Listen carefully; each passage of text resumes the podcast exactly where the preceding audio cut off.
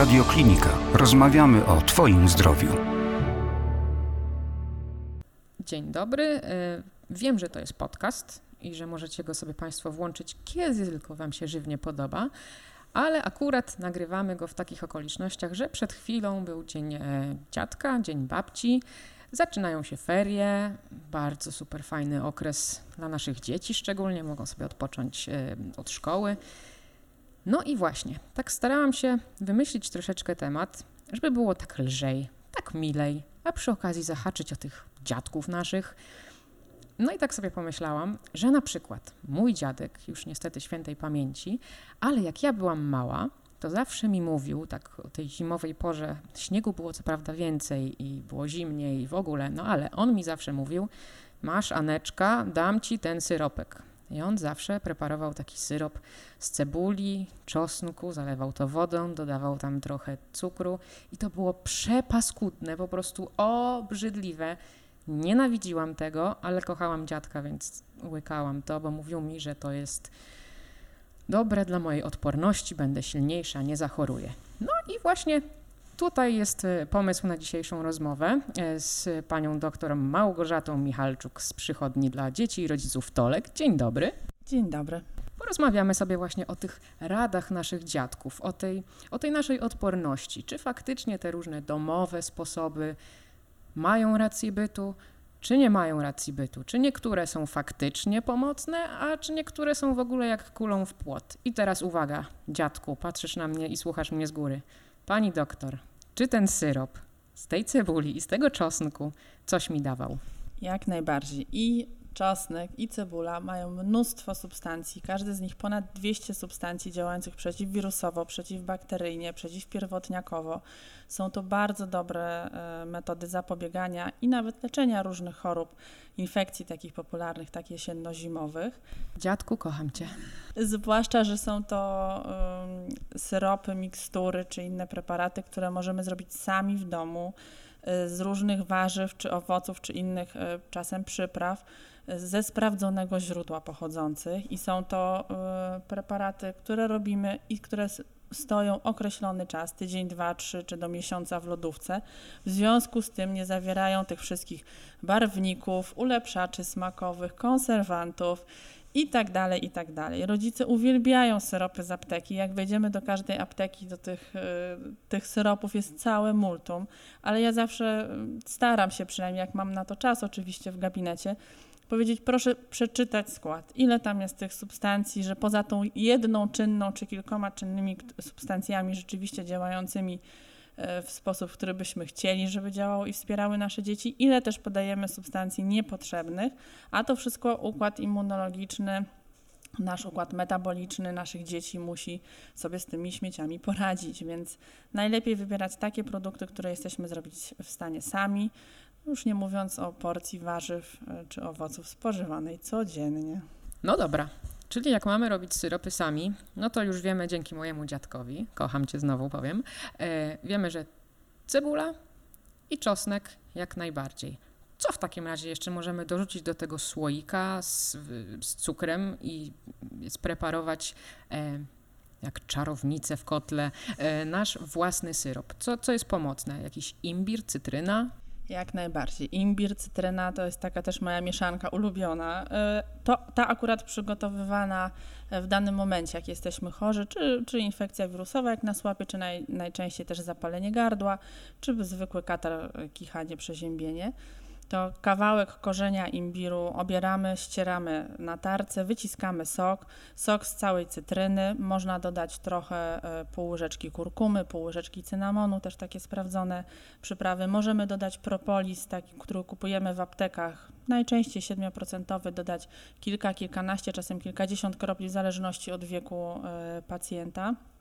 I do tego na przykład łyżka miodu, najlepiej jak to jest na przykład miód manuka, taki, który nawiera, zawiera najwięcej właściwości leczniczych i też w zależności od upodobań trochę można dodać wody, można taką miksturę pić e, skoncentrowaną po łyżeczce co kilka minut.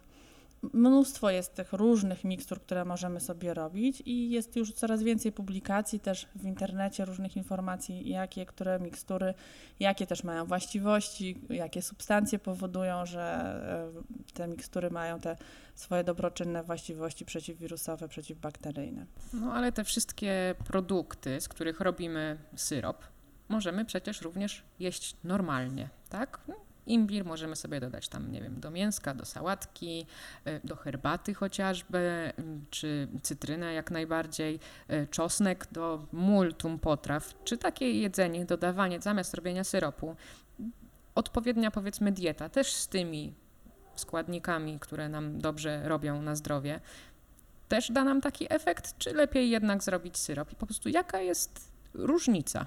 Najlepiej jest stosować i to, i to, czyli codziennie, systematycznie te niewielkie porcje dodawane jako przyprawy czy polepszacze tak smakowe, a, na, a mm, w okresach zaostrzeń, kiedy jesteśmy osłabieni, kiedy czujemy, że łapiemy jakąś infekcję, to wtedy tą dawkę można zwiększać. Można też tą dawkę zwiększać przez y, no, na przykład tylko dodanie samej cytryny czy podjadanie imbiru. Dużo osób lubi imbir na przykład kandyzowany, to też jest jakieś rozwiązanie. Także można tych metod szukać. Często też babcie czy mamy robią na przykład syropy z bzu i taki własny syrop z bzu czarnego też na pewno będzie dużo lepszy niż taki kupiony w aptece.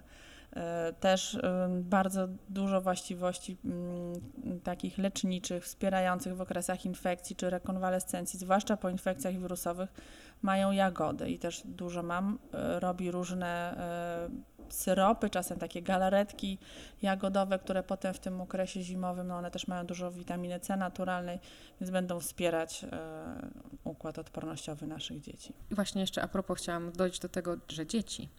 Czy każdy syrop może dziecko w każdym wieku? Czy na przykład, nie wiem, z imbirem poczekajmy, aż dziecko skończy 3 lata, czy tam 5 lat, bo będzie starsze, bo ten imbir jest jednak mocny, albo jakiś ma właściwości alergiczne czy coś takiego. Czy możemy się nie obawiać, jeżeli wiemy, że nasze dziecko nie ma na dany produkt oczywiście alergii, no bo to jest oczywiste, że wtedy go nie dajemy. Ale czy są jakieś zalecenia, żeby na przykład z czosnkiem też poczekać, aż dziecko będzie trochę starsze? Niewielkie ilości imbiru, czosnku mówimy, żeby raczej nie podawać dzieciom w pierwszym roku życia, tak? Ale też widziałam tyle dzieci, na przykład 6 czy 7 miesięczne, które zajadały, nie wiem, faworki, e, kinder jajka, e, pączki, że no uważam, że już jak takiemu maluchowi damy na przykład wodę z niewielką ilością imbiru, to na pewno mu to mniej zaszkodzi niż taki wielki pączek. Okay, czyli jeżeli nie ma przeciwwskazań alergicznych, to raczej nie powinniśmy się jakoś tam cykać czy bać, tylko spokojnie według receptury i podawać.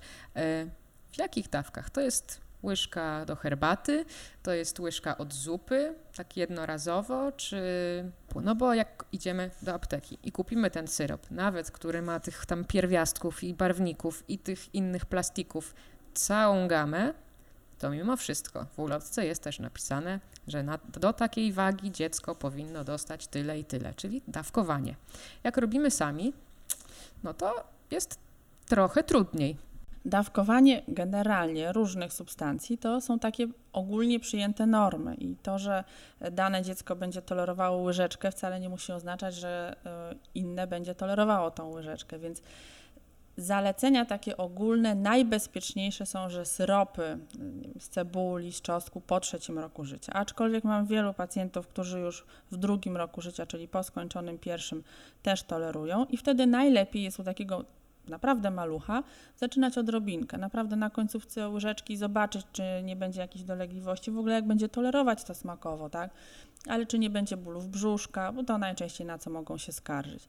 I jeżeli taki maluch w drugim roku życia y, będzie tolerował te wstępne porcje, to tak naprawdę dwa razy dziennie po łyżeczce takiego syropu z cebuli powinien tolerować i nic się nie powinno dziać, a już taki trzylatek to dwa razy po łyżce. Czyli syropki mamy odhaczone, babcie, dziadkowie mieli rację, tak? Oczywiście. Super punkt dla Was, babcie, dziadkowie. E, druga taka rzecz, która mi się kojarzy, mm, remedium na wszystko. Zjedz rosołek. A tutaj to już jest troszkę trudniej, zwłaszcza, że nasz rosołek różni się diametralnie od rosołku, które spożywali nasi dziadkowie. Więc tutaj nie jestem jakimś zwolennikiem rosołu, głównie dlatego, że kupić e, dobre mięso z kurczaka jest naprawdę bardzo, bardzo trudno. Są też rosołki wołowe, albo na kaczce można, albo na indyczku, więc mięs jakby można coś tam dobrać. Ale czy w ogóle sama idea zjedz rosołku z ich rosołkami, tymi babcininymi, była słuszna? E, medycyna bardziej taka naturalna, skupiająca się na e, ziołolecznictwie, leczeniu takim wspomagającym, naturalnym, wspomagającym nasze procesy e, naturalnie występujące odpornościowe, mówi o tym, że w okresie ostrej infekcji, ale mówimy też o, o infekcjach typowo przeziębieniach, tak? nie o jakiejś ciężkiej gruźlicy, o nowotworze, tylko o zwykłych infekcjach, to w okresie ostrym, pierwszych kilka dni, najlepiej jest nie obciążać organizmu e, pokarmami, tak? skupić się na porządnym nawodnieniu, ewentualnie jeśli posiłki to lekkie, łatwostrawne. Natomiast te rosołki, jako takie wywary na mięsie z wywarami roślinnymi, zalecane są w okresie rekonwalescencji, czyli wtedy, kiedy już zaczynamy się lepiej czuć, nabieramy sił, czujemy, że jesteśmy głodni, wtedy jak najbardziej tak się wspieramy, ale też chętniej produktami gotowanymi, czyli takimi ciepłymi, nieochładzającymi nas, wzmacniającymi, ale też niezbyt ciężkostrawnymi, czyli nie smażone na przykład. Czyli pół prawdy. Pół punktu dla babci. A cały punkt bym babci dała. Dobrze, cały punkt wywalczyła pani. Kolejna sprawa. Jesteśmy chorzy, podziębieni. Przykryj się, bo musisz się wypocić. I tak, i nie. Jeżeli dziecko ma gorączkę 40 stopni, podaliśmy lek przeciw 39, podaliśmy lek przeciwgorączkowy, to wtedy chcemy, żeby dziecko tą temperaturę zgubiło. Więc nie zgubi jej pod pierzyną. Trzeba odkryć, dziecko nawet rozebrać, ubrać w krótki e, bluzkę z krótkim rękawkiem, krótkie spodenki albo przewiewną, chociaż bawełnianą piżamkę i najlepiej podać płyny ochładzające, czyli w temperaturze pokojowej, żeby mu ułatwić obniżenie tej temperatury. Nigdy nie pod pierzyną. Ale gdy już nie ma tej temperatury, to strefa komfortu ma być zachowana. Nie trzeba wcale przegrzewać. Czyli bez punktu. No powiedzmy to, bez punktu, tak? Ciężko mi to powiedzieć, ale niech będzie bez punktu. I tak babcie i dziadkowie mają już dwa, więc nie jest źle, dopiero były trzy zagadnienia. Pytam o to, bo na przykład mnie to zawsze irytowało, bo było mi tak gorąco i po prostu tak się pociłam tam i sobie myślałam, no dobra, mam wypocić, bo te bakterie czy coś, wirusy wychodzą z tym potem, tak mi babcie mądrości, tak, mówiły, no ja ma, małe dziecko, no to robiłam, ale faktycznie strefy komfortu, o której pani mówi, nie doznawałam. Ja niestety też nie. Też pamiętam, jak gubiłam tą gorączkę, było mi gorąco i pod tą kołdrą, ja tylko gdzie mogłam, to chociaż nogę wystawiałam, ale faktycznie jak mamy ten pierwszy moment, kiedy czujemy, że coś nas łapie i jest nam zimno, no to wtedy tak, zapakujmy się, bo ma nam być ciepło. O to chodzi, żeby nam nie było zimno. Dlaczego? Dlatego, że taka temperatura naszego organizmu około 38 stopni to jest idealna temperatura do pracy naszego układu odpornościowego. Wtedy wytwarzamy naturalnie bardzo dużo, w zasadzie najwięcej e, różnych e, związków, na przykład interferonów, które działają przeciwwirusowo, przeciwbakteryjnie. Dlatego też między innymi nie tylko właśnie trzeba się wygrzać, więc jednak jakiś malutki punkcik dla babci i dziadka, mm, ale też ja zachęcam właśnie rodziców, żeby nie dawali od razu leków przeciwgorączkowych. Jak 38 stopni jest, niech to dziecko będzie takie lekko padnięte, właśnie wtedy się chętnie położy pod tą kołderką i będzie walczyć z infekcją.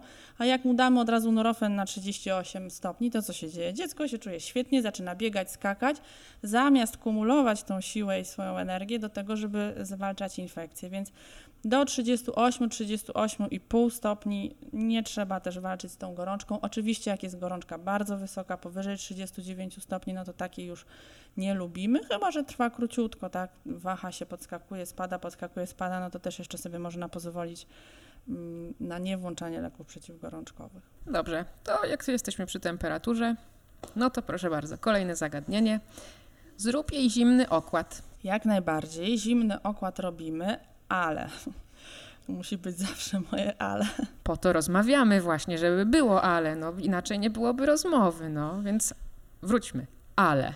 Ale jeśli dziecko ma 39-40 stopni, najpierw podajemy lek przeciwgorączkowy, żeby przestroić nasz e, układ e, termoregulacyjny na obniżanie temperatury i potem dopiero stosujemy okłady bądź na przykład kąpiele chłodzące. Okłady sprawa prosta, tak? Kładziemy zimny jakiś okład z ręcznika czy czegokolwiek, najlepiej na te miejsca, gdzie są duże naczynia, czyli na przykład kark, szyja. Bardzo dobrze jest położyć na brzuchu w okolicy wątroby, bo to jest taki organ, fabryka rzeczywiście grzeje. Można w okolice e, pachwinowe położyć. Natomiast jeśli chodzi o kąpiele chłodzące, tu jest bardzo ważne, że kąpiel chłodząca dla dziecka, które ma 40 stopni e, gorączki, oznacza kąpiel 39 stopni, czyli po stopień nie wrzucamy takiego dziecka do wody zimnej, 30-stopniowej, bo można spowodować e, wstrząs termiczny i zaszkodzić po prostu dziecku. Oczywiście te temperatury e, takie do 39 stopni można robić okłady chłodzące bez e, podawania leków przeciwgorączkowych. A jeszcze a propos tych okładów chłodzących, to druga część babć. Nie rób, bo pogorszysz, bo i przeziębisz węzły chłonne, czy co tam. Czyli ten okład na przykład nie może być za zimny, to o, o to babci chodziło, czy na przykład, czy po prostu ona uważała, żeby tego nie robić i trochę miała rację? Wiemy już, że nie, bo powinniśmy robić, ale jak zimny ten okład może być? po prostu z zimnej wody, tak? No lepiej nie jest przykład, nie przykładamy kostek lodu, bo to rzeczywiście też będzie nieprzyjemne. Pamiętajmy o tej strefie komfortu. Też ym, każdy z nas jest po trochu lekarzem dla siebie. Są dzieci i w ogóle ludzie, dorośli, my też. Doskonale sami potrafimy powiedzieć, co nam służy, a co nie. Są tacy, którzy nie będą lubili okładów, bo będzie to dla nich nieprzyjemne, a są tacy, którzy wręcz przeciwnie, tak? Tylko temperatura jest wyższa, dobrze się czują, jak sobie położą ten ręcznik na przykład na głowie. Są dzieci, które w gorączce wręcz się domagają zimnych płynów i tutaj też zaraz strach, nie, nie w życiu, ale to jest bardzo dobra metoda, żeby właśnie tą temperaturę ochłodzić przez podanie chłodniejszego płynu. Także też słuchajmy dzieci, bo one intuicyjnie e, często wybierają dla siebie najlepsze metody leczenia. No to teraz taka metoda leczenia babci trochę bardziej nowoczesnej, ale też przyjemna chyba dla, dla dziecka, bo słyszałam coś takiego. O, boli cię brzuszek, masz słone paluszki i kole. Tak, ja tej metody nie preferuję, aczkolwiek rzeczywiście e, było, widziałam, słyszałam, doświadczyłam wielu pacjentów, wiele dzieci, które przychodziły z wymiotami i biegunką i faktycznie jak tą kolę spożyły odgazowaną, to rzeczywiście objawy e, ustępowały. Czyli musi to być naprawdę duży zajzajer, że z tego korzystamy. Słone paluszki tu chodzi o sól, tak? Tylko mm, też są ważne proporcje, bo my wymiotując czy mając biegunkę tracimy nie tylko e, sód, ale też i potas i inne makroelementy, makro-mikroelementy.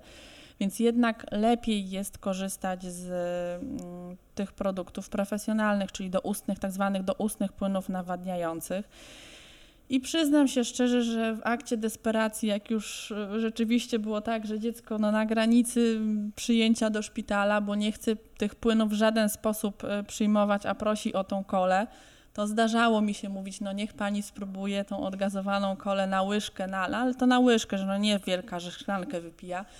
Na to wsypać ten doustny płyn nawadniający, wcisnąć to do tej buzi, bo wtedy połknie, bo ta kola po prostu ten smak zabije, a potem niech popije wodą, tak? No w brzuchu się to wszystko rozpuści, ten doustny płyn nawadniający będzie spożyty, czyli elektrolity tak jak potrzeba, wodą potem rozcieńczy, no ale to nie powinnam tego mówić jako lekarz, tak? Ale wiem, że faktycznie te metody się sprawdzają, one nie są e, zalecane. Ale mimo wszystko babcia jakiś punkt dostaje. Oczywiście damy babci punkcik. Super, ale pamiętajmy, że kola odgazowana i łyżka. Tu nie chodzi o picie coli i zajadanie paluszków, tak jak można sobie to wyobrazić, tylko to raczej tak Zabicie smaku, a poza tym rzeczywiście no, przy mdłościach coś jest w tej coli, że ona jakoś jest tolerowana, że nie powoduje wymiotów po prostu. Ja słyszałam, nie wiem czy to legenda ludowa, że po prostu osoba, która tę kolę opatentowała, napracowała nad lekiem na żołądek.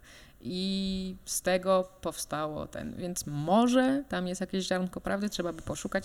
Nie przygotowałam się aż tak, ale gdzieś tam to zasłyszałam, więc może. Może tak. Na pewno kola ma za dużo cukru i nie jest produktem zalecanym, no już nie mówiąc o całej e, rzeszy innych. Tak jest. Wszystko wiemy, wszystko wiemy, ale babcia pół punktu ma. Kochamy babcię. E, no to kolejny taki babcina rzecz, która mi się tak kojarzy właśnie, kiedy byłam chora. Chodź, postawię ci banieczki. Tak, to też moja jedna z ulubionych metod leczenia, y, jak najbardziej naturalna, aczkolwiek nie zawsze dzieci chcą tu współpracować. Teraz mamy duże ułatwienie, bo są tak zwane bańki bezogniowe próżniowe. One są co do zastosowania troszkę słabsze niż te ogniowe, więc najczęściej je zalecam y, dwa razy. Jest to bardzo dobra metoda, dlatego że ona właśnie wykorzystuje nasze naturalne y, zdolności samoleczenia. Jest szukałam oczywiście teorii też, tak, dlaczego to e, pomaga, bo ja jestem jednak e, taką osobą, która lubi się podeprzeć piśmiennictwem i wiedzieć dlaczego. No więc e, bańki i przez to wytwarzanie podciśnienia pobudzają receptory, które są na skórze.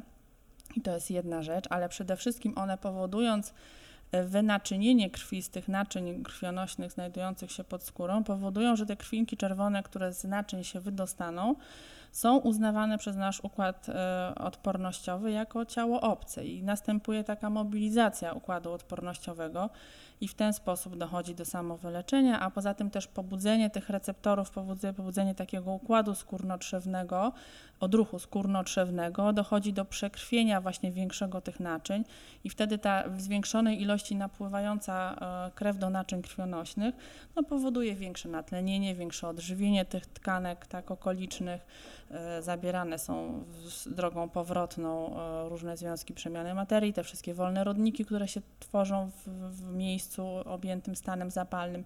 Więc jest jednak rzeczywiście sporo też teorii, która może wspierać ten nasz, ten nasz efekt mm, teoretyczny i praktyczny.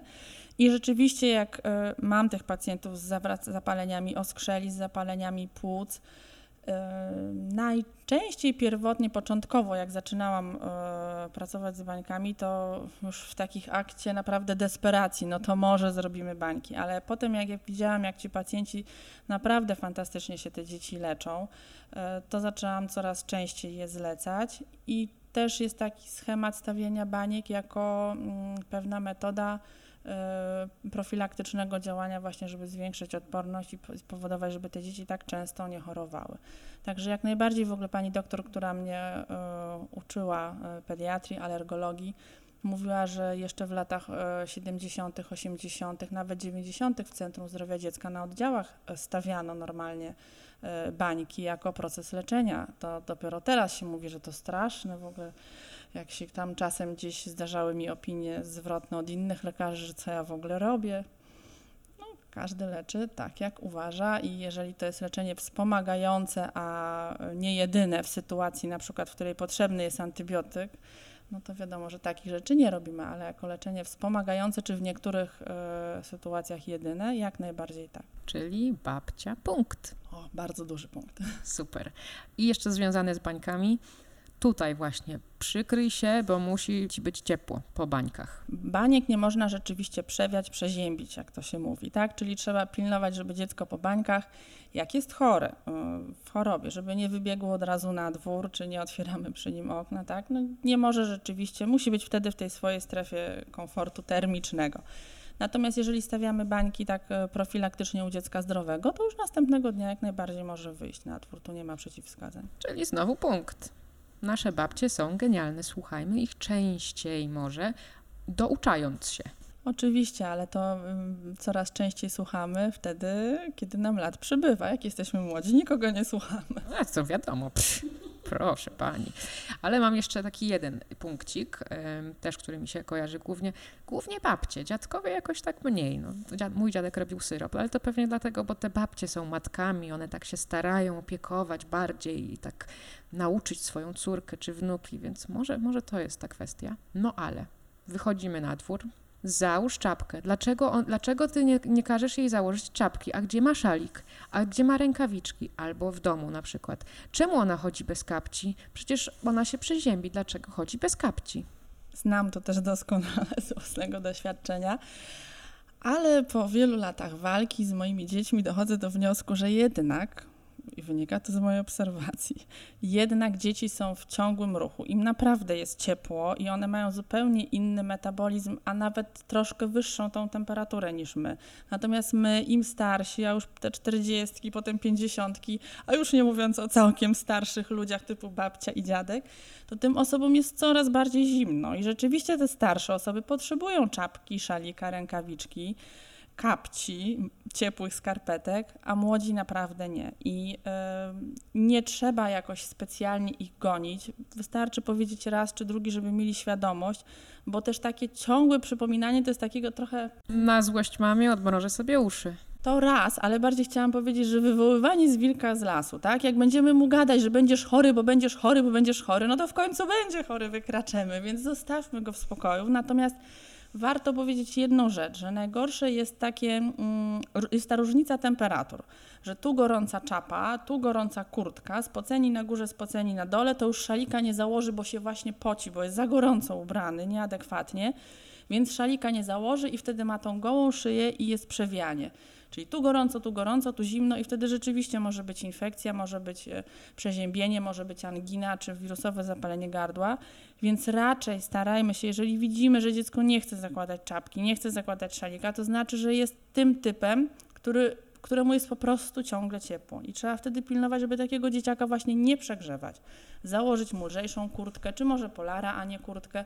Sama pamiętam, jak e, była moda jeszcze w liceum, to potrafiłam na nartach na przykład jeździć tylko w polarze i naprawdę mi było gorąco, gdzie teraz sobie nie wyobrażam. Muszę mieć w ogóle puchówkę i jeszcze drugiego polarka pod spodem i, i ciepłe skarpety i wszystko. No ale przecież przez głowę i przez stopy ciepło ucieka.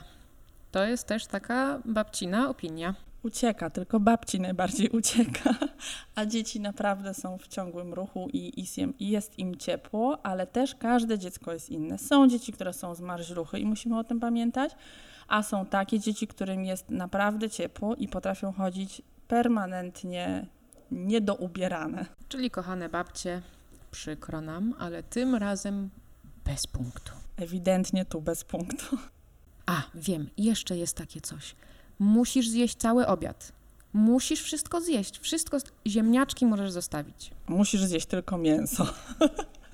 Najgorsza z opcji. Lepiej niech zje te warzywka czy owoce lekko, wcale niekoniecznie mięso. Natomiast tak, to ja muszę też przyznać, że i to akurat minus, jak o tym pomyślę, to wpychanie jedzenia. To jest po prostu zmora niejednego dziecka, to wpychanie jedzenia na siłę. Dziecko, jeżeli jest zdrowe, czyli nie ma choroby psychicznej pod tytułem anoreksja, to się nie zagłodzi. Będzie jadło tyle, ile będzie chciało. Uwaga, jeżeli oczywiście jest odpowiednio odżywiane, bo jeżeli przez cały dzień pije słodkie soki e, i zjada słodycze, to ma absolutnie zaburzone poczucie głodu, tak? Ośrodek zblokowany jest w ośrodkowym układzie nerwowym i takie dziecko nie będzie chciało jeść. Ale jeżeli mówimy o zdrowym dziecku y, odżywianym w sposób prawidłowy, będzie jadło tyle, ile potrzebuje i wcale nie ma potrzeby wpychania, a wręcz to ciągłe, no zjedz jeszcze troszkę, a jeszcze kanapeczkę, a jeszcze odrobinkę, powoduje, że e, efekt jest niestety dokładnie przeciwny. Też tylko takich niejadków trzeba pilnować pór. Nie chcesz zjeść śniadania, następny posiłek będzie i mówimy za 3 czy 4 godziny nie ma podjadania, tak? Konsekwentnie.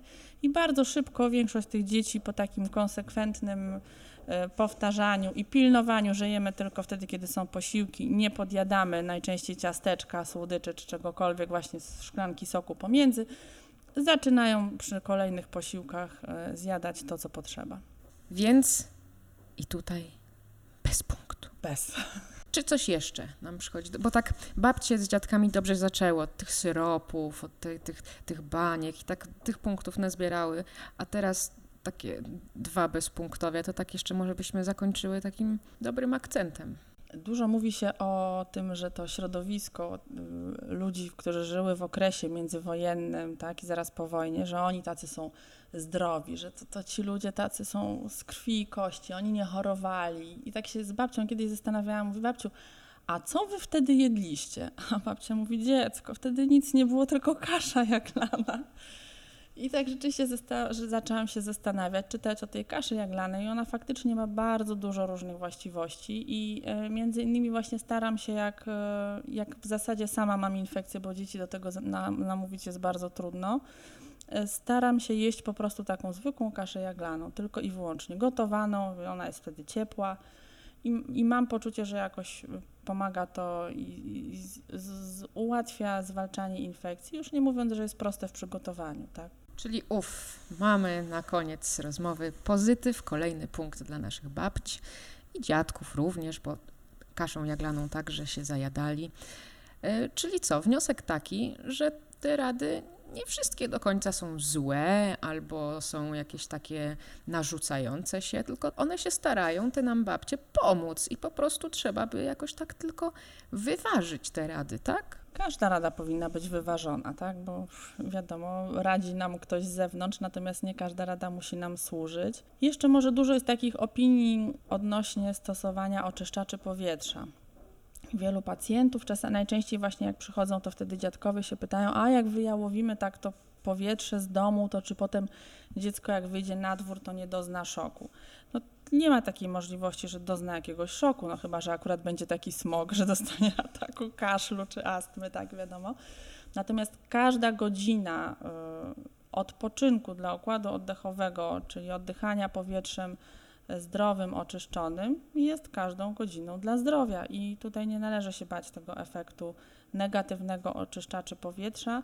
Może jedynie na co trzeba uważać, że niekoniecznie oczyszczacz z jonizatorem, bo one mogą za dużo ozonu y, produkować, który może z kolei podrażniać drogi oddechowe. Czyli po prostu tylko oczyszczacz. Najlepiej tak, oczyszczacz z filtrem y, HEPA, taki, żeby też filtrował te pyły zawieszone.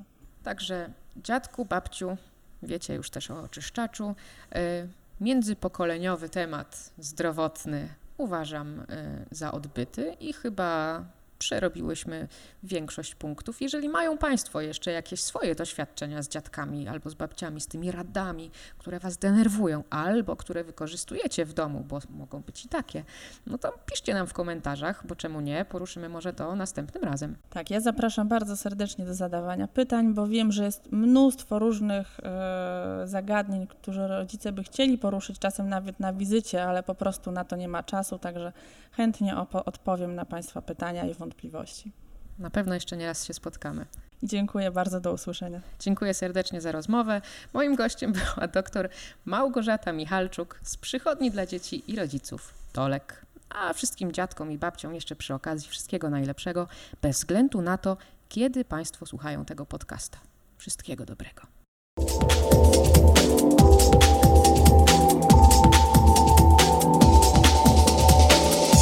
Radioklinika. Rozmawiamy o Twoim zdrowiu.